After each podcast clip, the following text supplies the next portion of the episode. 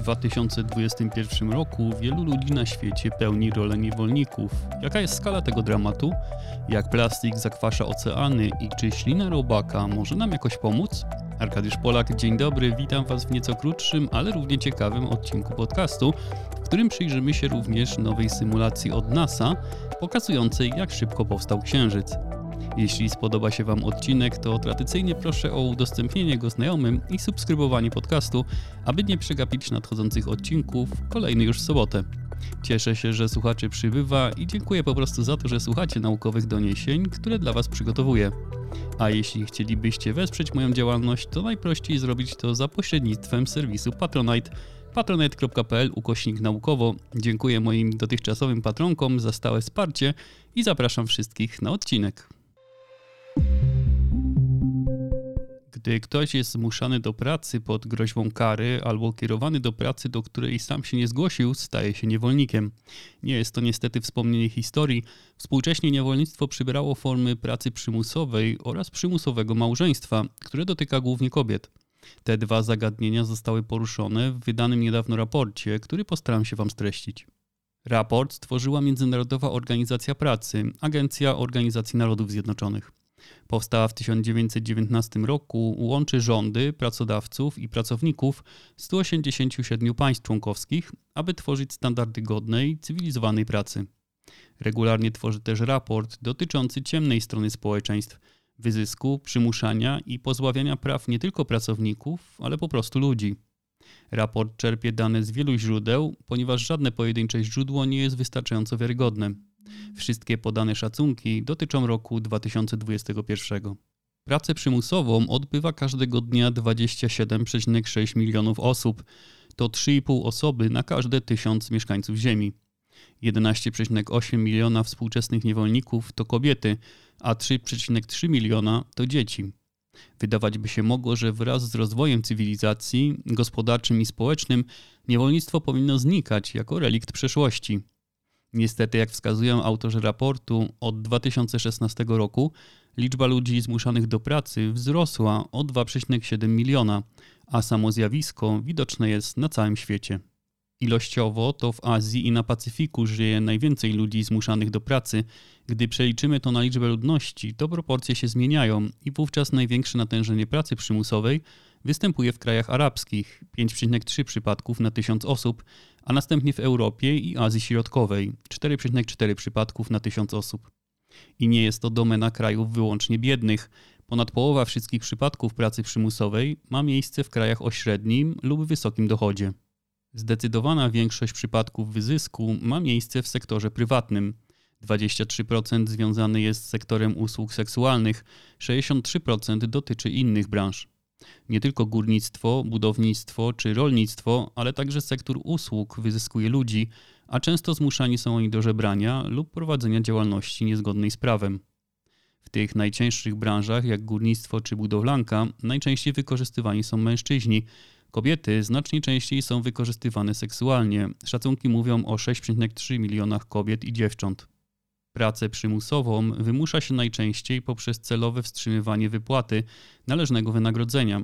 Pracownicy, bojąc się o stratę zgromadzonych dotychczas zarobków, nadal pracują pomimo niekorzystnych dla nich warunków. Stosowana jest także przemoc seksualna, fizyczna, a nawet uwięzienie i groźby kierowane do członków rodziny. Społeczność międzynarodowa zobowiązała się już wcześniej do całkowitego zlikwidowania niewolnictwa wśród dzieci już do roku 2025. Niestety według raportu w 2021 roku przymusowo pracowało 3,3 miliona dzieci na świecie. Niestety liczba ta może być większa, ponieważ dane w tym zakresie są niepełne. Ponad połowa wszystkich dzieci pracujących przymusowo jest wykorzystywana seksualnie. Jest to ułatwione, ponieważ dzieci najłatwiej oszukać, porwać czy poddawać innym formom przymusu i wykorzystywania. Inną formą współczesnego niewolnictwa jest przymuszanie do małżeństwa. Szacuje się, że 22 miliony osób na świecie nie miało w tej sprawie nic do powiedzenia i tu także widoczny jest wzrost o 6,6 miliona ludzi od 2016 roku. Niechlubne czołowe miejsca zajmują tu Azja, Afryka i kraje arabskie, ale to zjawisko jest widoczne także w Europie. Choć wydawałoby się, że jest to koszmar wyłącznie kobiet, to około 1 trzecia osób zmuszanych do małżeństwa to mężczyźni. Ten dramatyczny los gotują im zwykle najbliżsi. Aż 73% osób zmuszonych zostało do małżeństwa przez rodziców, kolejne 16% przez dalszych krewnych. Używany jest do tego szantaż emocjonalny, groźby utraty rodzinnej reputacji lub zerwanie kontaktów z rodziną. Także przemoc fizyczna i seksualna zmusza ofiary do zawarcia małżeństwa, które często kończy się też świadczeniem przymusowej pracy na rzecz nowego partnera i rodziny. Co ONZ planuje z tym wszystkim zrobić? Zarówno przymusowa praca, jak i zmuszanie do małżeństwa mają zniknąć do 2030 roku. Jak się wydaje, problemem nie jest jednak to, co trzeba zrobić. Tu pomysłów jest wiele, od ułatwień przy zrzeszaniu się pracowników, likwidowaniu nieuczciwych pośredników, wzmacnianie kontroli rynku pracy i tworzenie odpowiedniego prawa dotyczącego małżeństw. Dostrzeżono też potrzebę pomocy dla osób, które uwolniły się od nielegalnej pracy, zwalczania handlu ludźmi czy próby zmian społecznych i kulturowych zwyczajów dotyczących małżeństwa. Zapewnienie edukacji i wzmacnianie pozycji kobiet, ochrona ich praw i praw dzieci, zwłaszcza w krajach, gdy tych praw im brakuje. Raport zawiera mnóstwo innych zaleceń i sposobów na zlikwidowanie współczesnego niewolnictwa. Polecam lekturę, link znajdziecie w opisie odcinka. Problem w tym, że przyczyny tych dramatów milionów ludzi na świecie są złożone i zbyt duże, aby mogły je rozwiązać rządy pojedynczych państw. Potrzebna jest tu ścisła współpraca międzynarodowa, zarówno pod względem prawnym czy badawczym, ale także jeśli chodzi o finansowanie sposobów ograniczających niewolnictwo. Tylko ogólnoświatowe partnerstwo, mobilizacja i chęć rozwiązania problemu może spowodować, że statystyki wykorzystywania ludzi w XXI wieku będą spadać, a nie rosnąć jak do tej pory. Wielkie plamy śmieci pływające po oceanach, plastik, który rozdrabnia się pod wpływem fal i ruchu wody, zjadany następnie przez ryby i inne morskie organizmy. Poprzez łańcuch pokarmowy dostający się do organizmów kolejnych zwierząt, a także ludzi, mikroplastik pływający w naszej krwi. Wpływ plastiku na oceany jest znany, podobnie jak negatywne skutki, do których dochodzi kolejny zakwaszenie wody. Światowe oceany pochłaniają około 30% ludzkiej emisji węgla, a skutkiem tego jest spadek pH na całym świecie.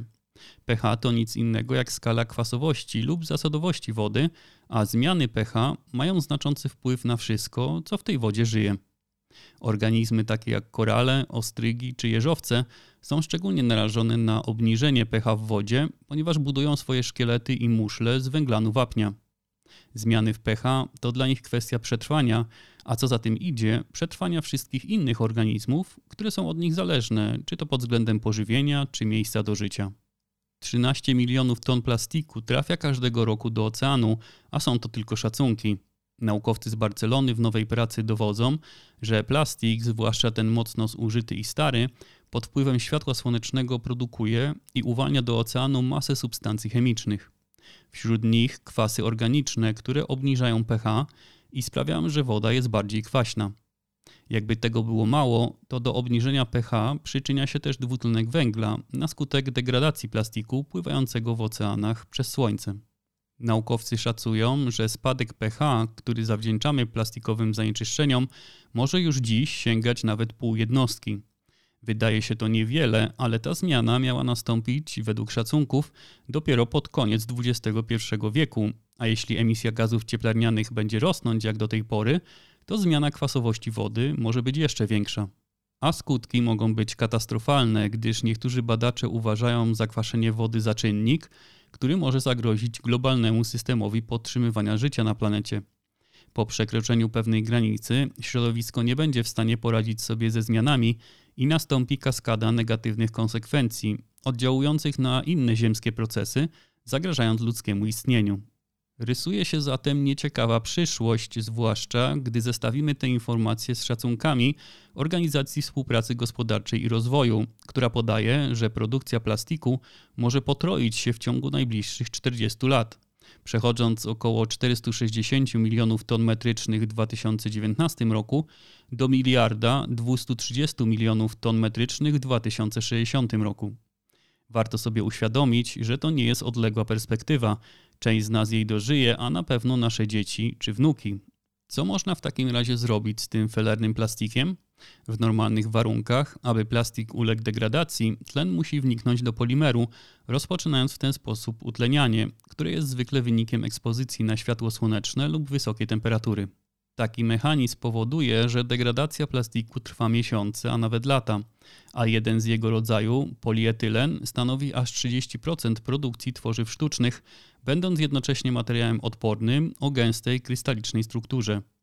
Taki plastik próbuje się poddać mechanicznemu lub chemicznemu recyklingowi, ale nowe badanie pokazuje inną ścieżkę biodegradację za pomocą czynników biologicznych, a konkretnie za pomocą śliny barciaka większego. Gąsienice tego owada potrafią trawić wosk pszczeli, a ich ślina zawiera enzymy zdolne do rozkładu tworzyw sztucznych.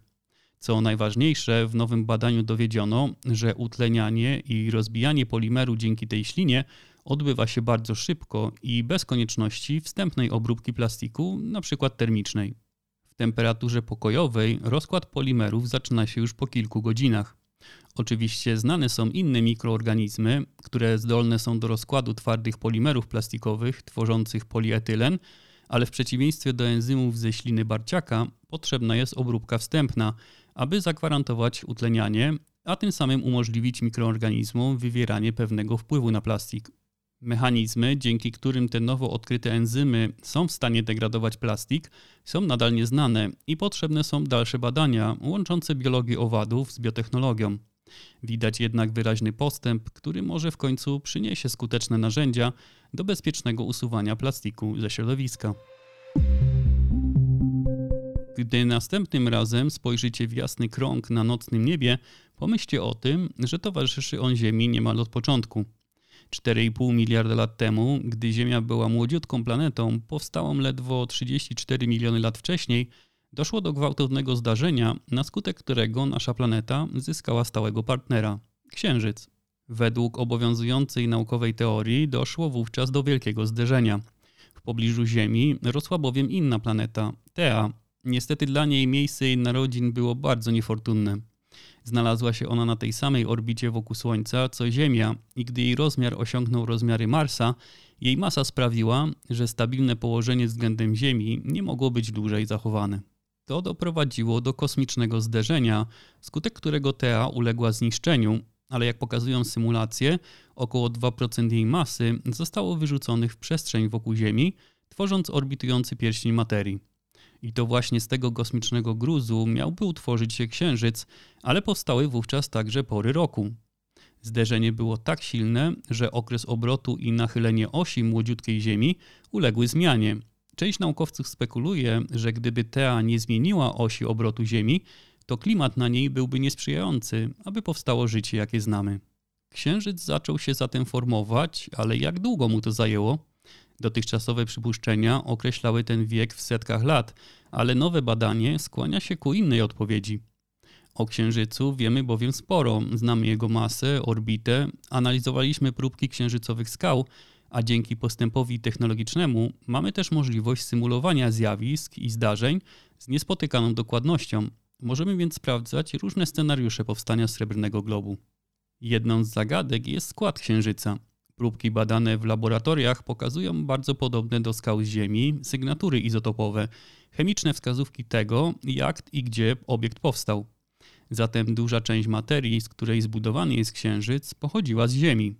Albo z tej, pod warunkiem, że ta była zbudowana z takich samych materiałów jak Ziemia, co w kosmicznej rzeczywistości byłoby bardzo dużym zbiegiem okoliczności.